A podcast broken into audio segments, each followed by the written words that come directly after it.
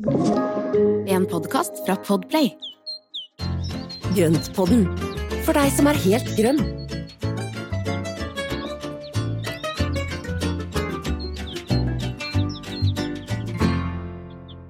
Hallo alle sammen, velkommen til Grønnpodden, til han Espen og meg, Marianne. Um, går det bra, Espen? Hallo? Ja, det går Hallo? veldig bra. Det gjør det. Klar, frisk, opplagt og klar for Mm. en, uh, jeg, har fått en Jeg har fått en lysende idé. Ja, det har du, bokstavelig talt. Vil du fortelle litt om den? Nei da, nei, det er bare tull. Det er eh, Nei, akkurat nå så er det litt lysende ute, for at det er altså et hjertetre som er knallgult. Mm. Det er så Jeg har aldri hatt det så gult før. Og det er eh, Det står som en sol midt i hagen. Og det er så flott. Og det, det er eh, Vanligvis så kommer jo da litt kulden på nettene som avbryter litt av den der høstfargen, men i år så har det fått altså en helt utrolig farge. Mm. Så var det en som spurte meg for litt siden om dette med, med farge på hjertetre, for at det er en så stor forskjell på, eh, på hvor de står. Og jeg mener å ha lest et sted for noen år siden at det er jordsmonnet som avgjør om den går mot det røde, eller om det går mot det gule. Eller kan det være også kjønnet på treet. Oi, ok. Har du, vet du hva du har, holdt jeg på å si? Jeg har et hanntre. Jeg har et Du har et guttetre. Og hva slags, Mhm. jord, og hva slags jordsmonn har du? Ja, den er vel litt grann mot det syrlige, tror jeg. Den, eh, det er jo en veldig sånn trivsel på, på bar furu, fu, altså gran og furu, nåletrær Mm, her. mm. Mm. Så det var jo en gammel skog her. Ja, ja, i en Mm. skråning. Ja, så hyggelig da. Ja. Så det er Mhm. litt sånn, det er litt sånn, sånn eh, litt sandete jord, litt sånn tung Mm. sandete jord egentlig. Som jeg driver og prepper og jobber opp for å få det litt mer, mer lettvokst for andre vekster. Mm. Det hadde vært litt spennende å høre om andre som har kanskje en annen farge på hjertetreet, da, på bladene Mm. og, nå, og høre hva slags jord de har. Mm. Kan gjøre en liten usånn sånn, sånn semiforsket undersøkelse. Litt sånn uoffisiell, eller hva heter det? Sånn, ja. Nei, men det blir bra. Nei da, så det Ja. her er det, det er lyst og fint, og, eh, og egentlig så er det, selv om jeg ikke liker høsten, så er det veldig pent da. Ja, det er pent. Og det er Jeg tenker at høsten, når jeg er oppi den, så er den alltid litt hyggeligere enn det jeg liksom gruer meg til. Det er bare det, jeg tror det er Mm. at jeg er veldig sånn menneske, så liksom jeg må bare komme meg med begge beina over i høsten. Og Mm. da står jeg ganske greit til november kommer, men vi er ikke der ennå. og når det er november, da kan man begynne med eh, hva heter det, novent, altså sånn, sånn småstarting av advent i, sånn utover no, november. Og da Mm. er det liksom allerede fiksa to måneder der, og da har du bare januar og februar igjen. Ja. Så, Det er god plan, det er liksom ta, ta steg for steg, det, er, Ja. det er som å spise en elefant, ta én bit av gangen. Absolutt. Og i januar Mm. kan man jo se på frøkataloger og bestille frø. Så da er man jo, all- eller kanskje man gjør det allerede i desember. Altså det er mye å glede seg til, med andre Mm. ord. Det er ingen, Desember. ingen grunn til, ingen grunn Ja, nei, nei. panikk. Nei, nei, nei. Vi begynner i desember, så ser vi. I januar så begynner vi å så første blodbegeret og kjempeverbenaen. Ja.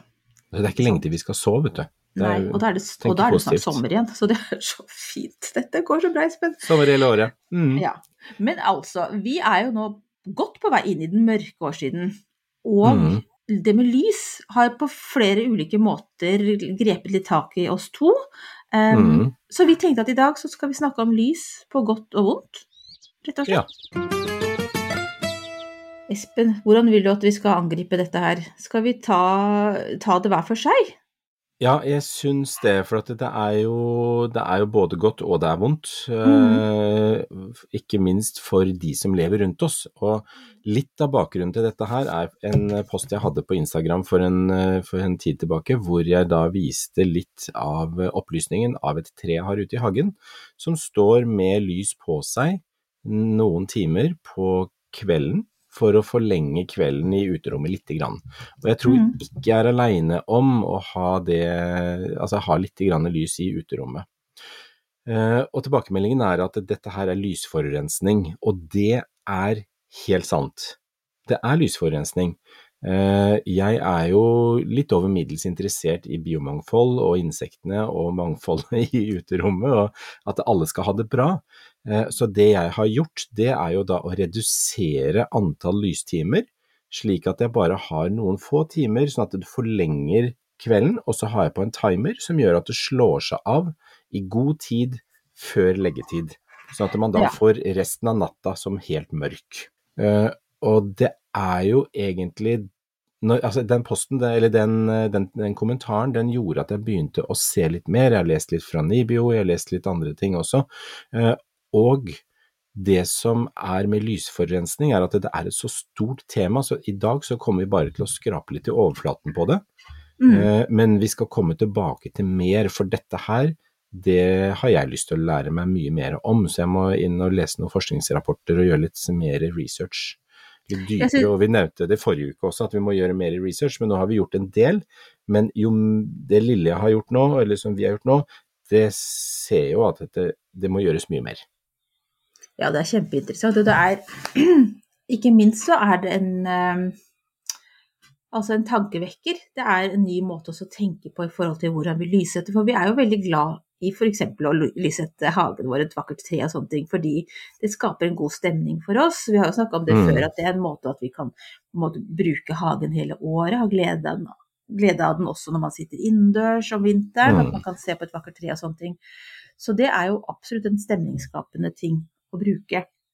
Men så har det så mange konsekvenser som eh, Og noen man, kan man jo tenke på at det kan være sjenerende for naboen f.eks., eller sånne ting, men det har jo noe også med flora og fauna å gjøre, særlig fauna kanskje. Eh, at det påvirker eh, hva sa du, naturlige prosesser på en måte, eller altså eh, Mm. rytmer i naturen som påvirkes at vi pøser på med lys. Ja. Det finnes jo Og- til og med en forening som heter Bevar mørket, som har masse bra informasjon. Som, Mm. som jeg aldri hadde hørt om, må jeg si, før i dag, eh, før eh, vi begynte å forberede oss. Eh, så så det, er, det her er jo et tema som også forskermiljøet og også Vegvesenet er opptatt av. Det er også på tide at vi tar, tar litt tak i det, vi privatfolk. Mm.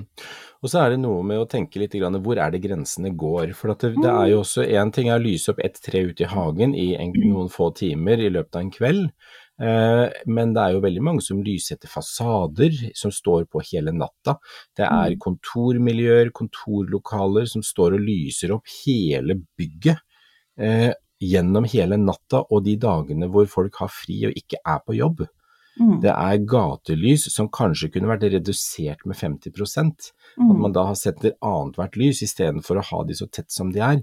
Og er det nødvendig med lys på alle veiene som er rundt omkring som vi har lys på i dag? Mm. Eh, hvis vi reiser til utlandet så er det jo ikke så mye gatelys i det hele tatt. Nei. Så vi bruker jo da ganske, vi bruker ganske mye lys både, i, både rundt husene våre, men også i det offentlige rom. Absolutt. Som jeg tenker at det, det er jo med på å påvirke alt dette her. Det er, og summen av dette blir jo enorme mengder med lys. Som også tar energi, så klart. Jeg tenker Ja, på ja. det du sa med at det, alle gatelysene også har noe med utfordringen på utelysene, altså belysningens design. For Mm. eh, hvis du har f.eks. En, en, en, en kule da, som lyser i alle retninger, så Mm. den, får den mer effekt på omgivelsene enn hvis du har en som der lyset rett, rettes nedover, ikke sant? Mm. Og så har du noe med, som du sa, styrken. En ting er kanskje man kan ta annethvert gatelys, da, men hva man reduserer styrken litt. Så at det er litt Mm. mindre mm. på dagslys, holdt jeg på å si, på, på disse gatelyktene, men at det er mer enn sånn nok til at du kan føle deg trygg, da, f.eks. hvis du skal gå gjennom et sted, men at det ikke blendes av det lyset Ja. som kommer fra, fra utelyset. Ja, Eh, Og det er, det er viktig poeng, for at det er jo, som du sa også, du hadde jo lest også om dette med lys på hytter. Ja, eller hytter, eller egentlig generelt i nabolag. Hvis det er en hytte eller et hus som eh, Men så klart særlig der det er, det er mørkt ellers, da, ikke sant. Mm. Og det kommer det mye lys på én tomt, eller opp mot en hytte eller hus, så vil jo de som bor rundt, det vil jo føles mye mørkere i forhold. Mm. Og da vil det kanskje føre til at de som bor der, eh, kjøper mer belysning, tar mer belysning ute hos seg, og så har man liksom gående Da blir det en sånn en ond sirkel, da. At eh, det blir bare mer og mer lys. Og det er jo egentlig som å sitte på en fest ikke sant, rundt et middagsbord, hvor man da begynner å snakke ganske rolig, og så begynner flere og flere å heve stemmen, til slutt sitter alle og roper. Mm. Og det er Hvis alle da hadde senka stemmen kanskje noen desibel, da, så hadde alle hørt og alle kunne snakke normalt, istedenfor å sitte og rope alle mann. Mm. Det blir jo liksom samme. Og øynene de er jo så finurlig tilpassa, så de vil jo da oppleve da selv ganske lite lys som brukbart. Mm. Så, så det er en del eh, Ja, det er litt sånn overbruk, eh, altså overforbruk på en del. Men så har vi også da dette her med, med lysflater, altså hvis vi tar den helt i det ekstreme, da, så har vi jo også veldig mye lys som kommer fra vinduene våre og ut i naturen. Og Mm. det ser man jo også på at det er masse insekter som står og stanger mot eh, vindusruta, ikke sant. Mm. Og skal vi da begynne å bruke blendingsgardiner Ja. og slå av alt lyset rundt huset ute Mm. for å være, for å tenke med, altså for å tenke på, på biomangfoldet? Det er jo litt altså, Ja, jeg er helt enig. Det her er jo noe av det samme som at du skal plukke eller du skal velge eh, forskjellige blomster til, eller planter til hagen din eller uteplassen din fordi at du skal gi alle insektene mulighet til å ha det fint og kanskje leve mm. så lenge som mulig av sesongen deres. Og, og, og at du har åpne blomster og ikke mange lukkede der det er vanskelig å få tak i mat og sånne ting. Det er jo en del Mhm. av det, den bevisstgjøringen vi holder på med da, i hagene våre. Ja. Absolutt. Og da er det liksom spørsmålet hvor skal vi sette grensen? Så jeg tenker at vi får gjøre det vi kan, altså nå skal ikke vi komme med noen pekefinger og sånne ting, men jeg tenker at vi må, vi, må, vi må gjøre det vi kan der vi kan gjøre det. Fordi Mm. eh, det, er, det har stor påvirkning, og det som er litt av tanken da, som, som vi egentlig hadde lyst til å skrape litt i i dag, det er jo da bare, bare for liksom starte bevisstgjøringen. Mm. Fordi det er jo også noe med at lyset som da settes på på kvelden og natta, det vil jo, som du sier, det er jo insekter og fugler og, og altså levende organismer på, som kryper og går og flyr, de blir påvirka. Og det er jo både i forhold til at de, de, de blir jo trukket mot lyset i stor grad, og det forstyrrer døgnrytmen, det forstyrrer eh, jaktegenskaper, formeringsevne. Mm. Det forstyrrer veldig mye av prosessene i, i insekter og dyr. Mm. Ja, unnskyld, litt rusk i halsen her. Uh, det er høst, tross alt. Uh, den, uh, ja, apropos det, jeg vil bare si det, for at jeg leste hos Bevar mørket, Mm. det, den nettsiden deres, så hadde de to eksempler som jeg ble helt sånn hva? Og det er at eh, nyklekte havskilpadder, da har man sett at hvis det er eh, en strandpromenade, det som er opplyst, så går de altså dit istedenfor ut i havet, der de skal. Mm. Det er jo helt forferdelig. Ja, det er helt Og, grusomt. og også planter påvirkes. Det ble jeg i hvert fall overraska over. At det kan få for tidlig løvsprett. Eller Mm. at de feller bladene sine seinere enn det de egentlig normalt ville gjort. Mm. Og det er jo også fordi at lyset det gir jo, altså det påvirker jo klorofyllet og, og fotosyntesen. Mm. Eh, og det at man da påvirker fotosyntesen til plantene, det ødelegger jo også prosessen, for de trenger jo natta til å liksom å restituere seg og, og For det er jo hos en plante så er det stor forskjell på prosessene som foregår på dagen i lys og de som foregår på natta. Og det, Derfor så er det ekstra viktig at de trenger natt og dag. Mm. Enkelte planter så styres jo blomstringen ut fra daglengde, altså Ja. f.eks. julestjerna. Og hvis Mm. man hadde lyst opp ei julestjerne for mye, vil aldri komme i blomst. Nei, ikke sant. Hvis den da hadde fått lys på seg, en julestjerne, altså en, et julestjerne, en julestjerneplante ute i det fri, da. Hvis den hadde fått lys på seg i, eh, utover den tiden som er naturlig, så vil den ikke blomstre noen gang, og da vil ikke den klare å reprodusere. Mm. Så masse ting å tenke på, så det er egentlig en eh, litt sånn bevisstgjøring dette her, at det er, vi må være litt varsomme med å bruke av lyset ute, Mm. og bruk Mm. timer, tenker jeg. Sånn at man ikke ødelegger og lager fullstendig ko-ko sånne der, eh, dagsrytmer på dyr og, dyr og planter og ting vi har rundt oss. Mm. Og på oss sjøl. Hvordan vi påvirker hverandre altså.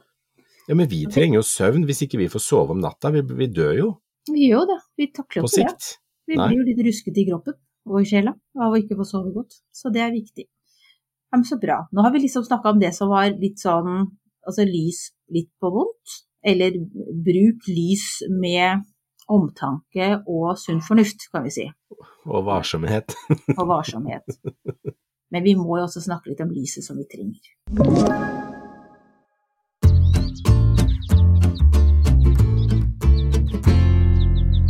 Jo, for vi må jo også si noe positivt om lyset, for vi hadde jo ikke klart oss uten lys. Eh, Og, og du sa til meg her om dagen at du trengte egentlig et plantelys rett over huet, du. For å trives. Jeg har laget stativ, så jeg har en pære hengende over huet når jeg går rundt inne her. Og det var fantastisk å se. Ja. Så da tenkte vi at vi kanskje skulle ta litt kort om plantelys. For nå begynner det å bli mørkere ute, og, og, Mm. og det kan være greit å ta en påminnelse om det. Så da bare venter vi på alle tipsene fra deg, Espen. Jeg, ja, det, det, er, det er vel trygt å si at det her kan du mest om. Ok, nei, men det er bra da. Men eh, ja, plantelys. Eh, det er jo veldig mange som da tenker at plantelys altså, Lys er jo ikke lys, det er jo stor forskjell på lys og sammensetning og sånne ting. Så det vi må gjøre for å, å liksom stelle pent med plantene våre nå, det er jo å da gi de litt ekstra lys når dagene nå blir kortere. Og jeg har merket det nå når jeg har begynt å, ta, å fylle opp inne med planter igjen, for nå er jo alle sommergjestene på vei inn igjen. Det er at eh, de, de har jo begynt å forandre litt vekstform og sånn, og når de da kommer inn i litt varmere miljø fra det litt kjølige ute, så strekker de seg fort. Og da Mm. trenger de ekstra lys. Og da er det viktig at det er et lys som er beregnet på planter, som da har eh, nok kelvin, og gjerne 6000 og til til 6400 kelvin, som er liksom litt kjølig, litt sånn dagslysaktig, Mm. eh, og mest mulig lumen. Ja. Og det er jo litt av det som, eh, som er med de vekstlysene vi får kjøpt, er at de har jo da en god del lumen, og så har de rundt 6000 kelvin. Og hvis man skal gå enda dypere inn i det, så, så må man begynne å se på mikromol. Og det er jo da effekten av, eh, av lyset som plantene kan nyttiggjøre seg. Men det handler jo også om avstand fra planten og opp til vekstlyset. Mm. Så hvis du har en vekstlyspære som du henger i taket to meter fra planta, så har ikke den noe så stor verdi som en vekstlyspære som du henger eh, 20 cm over planta. Da har du Mm. mye større effekt av den. Mm. Det er også viktig å tenke på hvordan du plasserer Mm. lyset i forhold til det Ja. som skal opplyses. Mm. Mm. Så, så det som er, eh, er viktig da, det er også da putte inn lys som da faktisk er eh, beregna for plantene, for at de skal få best mulig effekt, eh, Mm. og så bruke timer. Yes. Jeg visste du skulle komme til den. De trenger også, det er for å gjøre jobben enklere for oss sjæl, men de trenger også natt. Og det betyr Mm. at det å sette på en timer, og da Jeg pleier å sette på en eh, tolv Jeg tror jeg har tolv timer, jeg, som har tolv 12 timer, 12 eller 14 timer med lys. Mm. Og så er det resten natt. Og det kan man da sette opp i et rom som ellers ikke har vinduer, så der så forstyrrer man ikke insektene på utsida. Nei, det er lurt. Men For eksempel. Skal, for eksempel. Men hvis du skal da gjøre det med de vanlige inneplant... Altså du har dekorert huset ditt eller leiligheten din med inneplanter, da. Så vil Mm. du kanskje ikke flytte alle bort i et vindusløst rom. Nei, nei, nei. nei. Så da er det jo greit å bare altså, gjø- ha, bruke det kunstige eller, eller plantelyset som en sånn booster når, når det er litt lys, i hvert fall ute på dagtid normalt. Mhm. Og så tar du den timeren din, ikke sant. Og så Ja. ja. Det er Det absolutt. fint. Ja. Ja, og det betyr at da kan man jo bare henge den opp. Jeg har jo det på, i stuevinduet, så har jeg det sånn. Da setter jeg på lyset der på morgenen når jeg står opp, og så slår jeg det av når jeg legger meg.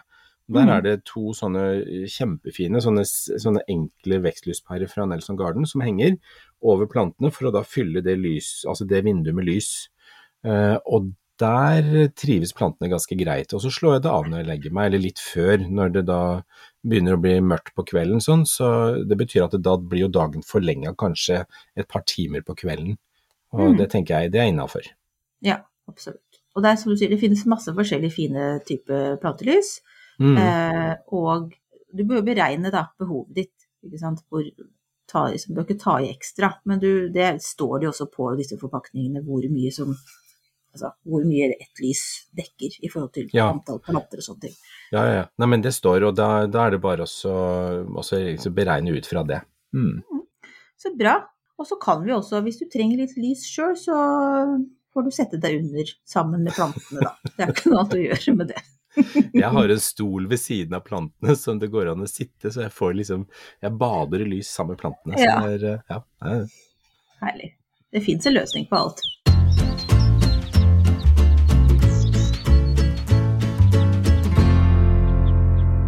Ukas plante, Espen. Nå er, vi liksom, nå er vi ferdig med lys på godt og vondt. Nå skal vi bare snakke om noe herlig, fantastisk ja, plante. ja, Den er fantastisk. Og eh, i dag så har jeg plukka fram en som heter klasefjør. Eller lill, nei, fjørkonvall blir den også kalt. Og det er en staude som klarer seg til H6, som er altså så fin. Den er kjempefin. Ja, og vi var så heldige å få en uh, liten bit av den av et vennepar på Hamar for et uh, par år siden. Og i år så var Altså første året så kom den opp med liksom én Nei, jeg fikk den med én blomst, og så kom den opp med en og en halv kanskje i forfjor. Nei, i fjor var det. Og i år så kom den opp som en skikkelig fin tue med kanskje ti-tolv fine sånne dusker på toppen. Og så lukter den helt fantastisk. Å, gjør det òg, ja. Det ser helt Ja. nydelig ut. Den ligner litt duft. på en, en konvall. Altså bladene Ja. er jo litt sånn Ja. Er den i den slekta, eller hva er det? Det er en staude, i hvert fall. Det er en staude som klarer seg opp til H6, og den er fra Hva var det du sa? Nord-Amerika? Ja, Nord-Amerika og Asia var det, står det i hvert fall ifølge Ja. Store norske leksikon, så vi stoler på det. Ja, så bra. Ja, men de stoler vi på. Eh, nei, i hvert fall så er den utrolig fin. Den er robust og hardfør, klarer seg i halvskygge, blir eh, ca. en halvmeter høy. Og det som er så fint med den, at den er perfekt å dele nå. Så hvis du Mm. kjenner noen som har en sånn en, så går det an å tigge en liten bit. Hei, Espen! Hei, hei! Nei, den det er i hvert fall er- veldig fin, altså. Kjempefin. Den er, Frodig. Og det er eh, frodig, og så står den da med blomster, ikke så veldig lenge med blomstene, de er nydelige når den blomstrer, og så etterpå så står den kjempefint med bladverket, for dette bladverket er så mørke grønt og sunt, friskt, og bare sånn, det står og strutter hele sommeren. Mm. Så jeg er blitt veldig glad i den stauda, og den vokser fort når den trives, og da blir den store, gode turer, altså. Mm. Det var kjempefint. Da lar vi klasefjøra fjære seg, holdt jeg på å si. Mhm. Vaie i vind. fint. Vaie i vind, ja. Eh, og så går vi over til ukas spørsmål. Skal vi se, Ja. da. Ja, jeg prøver å stokke det riktig her. Jo, altså. Her kommer spørsmålet. Det er noen, en som har kjøpt løk med Iris hollandica, Autumn Princess. Og så Og det her jeg kjenner meg veldig igjen i. Har kanskje ikke lest grundig nok da det, løkene ble bestilt, for de er da, vil ha H4, og så er det H3. Ja. Um, og det er altså da ikke herdige der. Så spørsmålet er, går det an å putte dem i en krukke og ha dem i en femgraders kjeller over vinteren, og så plante dem ut til våren? Ja, det går an. Jeg tenker at det går alltid an å overvintre planter inni krukke sånn, hvis det er kaldt nok. Det som er litt utfordring med da en H3-plante, den er jo vant med en egentlig en ganske ordentlig vinter. Så jeg, hadde det vært meg, så ville jeg tatt sjansen på å finne en lun plassering ute i hagen, og ikke tenkt så mye på herdighetssone. Fordi plantene har ikke lest sonekartet. Nettopp. Og, og det kan godt være at du har en H3-plassering i din H4-hage.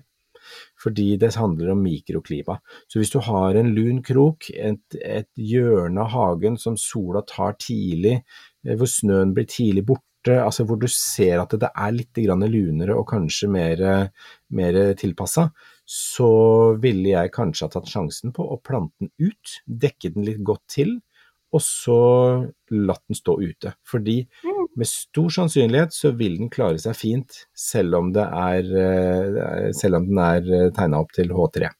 Mm. Så kan du A-B-teste, at du tar halvparten av løpene Mm. inne i kjelleren og resten ute. Ja. Så jeg er tilhenger av å prøve, og hvis det går Hvis det ikke går, så vil jeg ha prøvd igjen med krukke senere. Fordi at det blir veldig mye enklere for seg selv og uh, mer tilpassa for planta. Fordi ofte når vi overvintrer inne, så kan de begynne å skyte for tidlig. For fem grader, det er liksom en god vår, det. Og da, Mm. når vi da setter de i gang for tidlig, så blir de angrepet av utøy, dårlig vokst, altså voksemåte, og så kollapser de. Mm. Lykke til, da. Spennende. Og- Ja, det blir kjempespennende. Ja, altså jeg er veldig spent, for hvis du da planter de ut nå i høst og, og, og ser at de spirer fint til våren, så si fra, for det hadde vært gøy. Bra. Yes. Um, vi kan ha en kjapp Hva gjør vi nå, Espen? Jeg tenker at Vi har egentlig bestemt oss i dag skal vi være litt sånn effektive, for at vi vil gjerne gi dere informasjon og ikke dvele så mye ved oss selv, for en gangs skyld. Teste det. Men, litt, Nei, hva, nei, nei. noe, hva gjør du nå, da?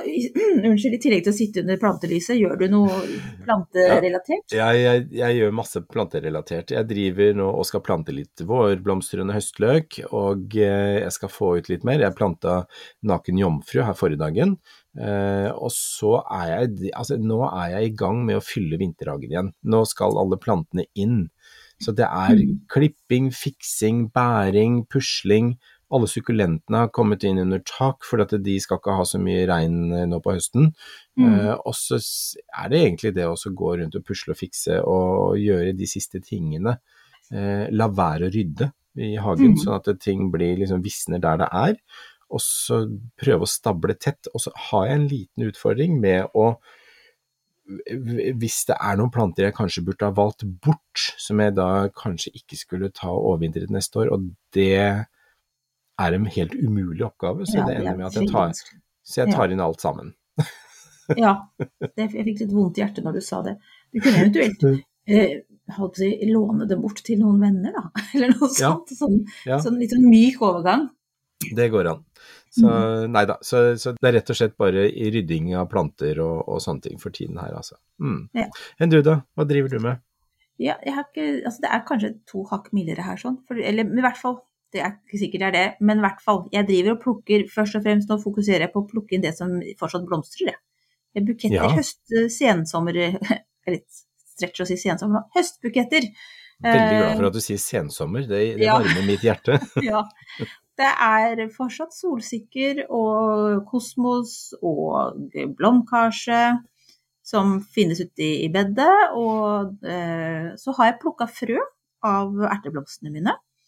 Eh, Spennende. de, de er takka for seg, men da har jeg fått stor fangst med frø. Så det Ja, det er jo kjempespennende. Ja. Har klart å rote litt mellom dem, så det kan hende at Monty Don nå merkes som eh, noe annet, men det får være.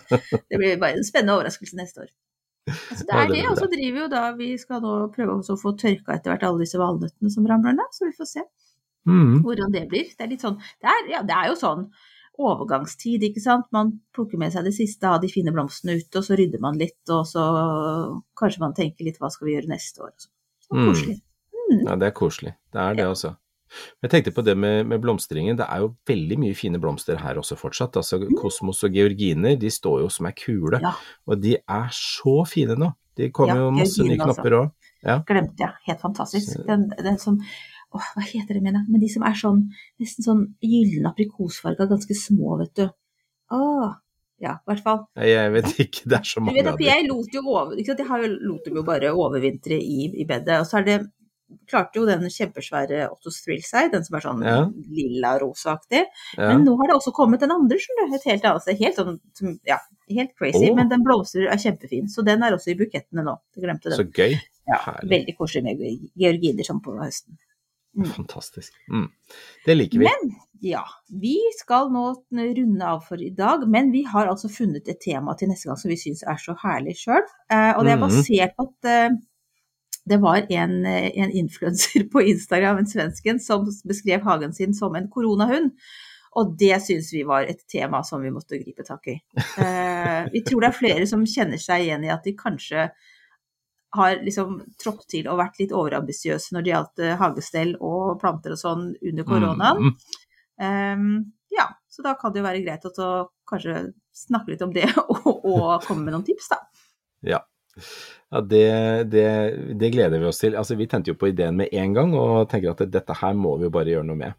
Mm. Eh, og så har vi en annen ting, at nå er det jo litt sånn begynner vi å Det kommer litt ut av hagesesongen, så vi vurderer nå også å, å trappe ned til annenhver uke istedenfor Mm. hver uke. Sånn at vi da vil forberede litt på det, for at det kan godt hende at vi kommer med noe drypp innimellom selv og i de ukene vi ikke planlegger eh, sending, men, men i utgangspunktet så tenker vi nå, nå annenhver uke fremover en liten stund. Ja. Bra, Espen. Da sier vi takk for i dag, da. Det gjør vi.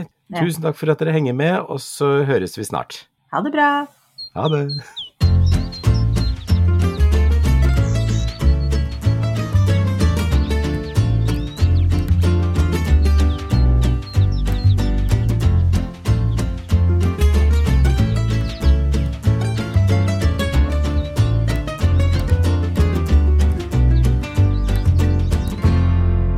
Hørt en podkast fra Podplay.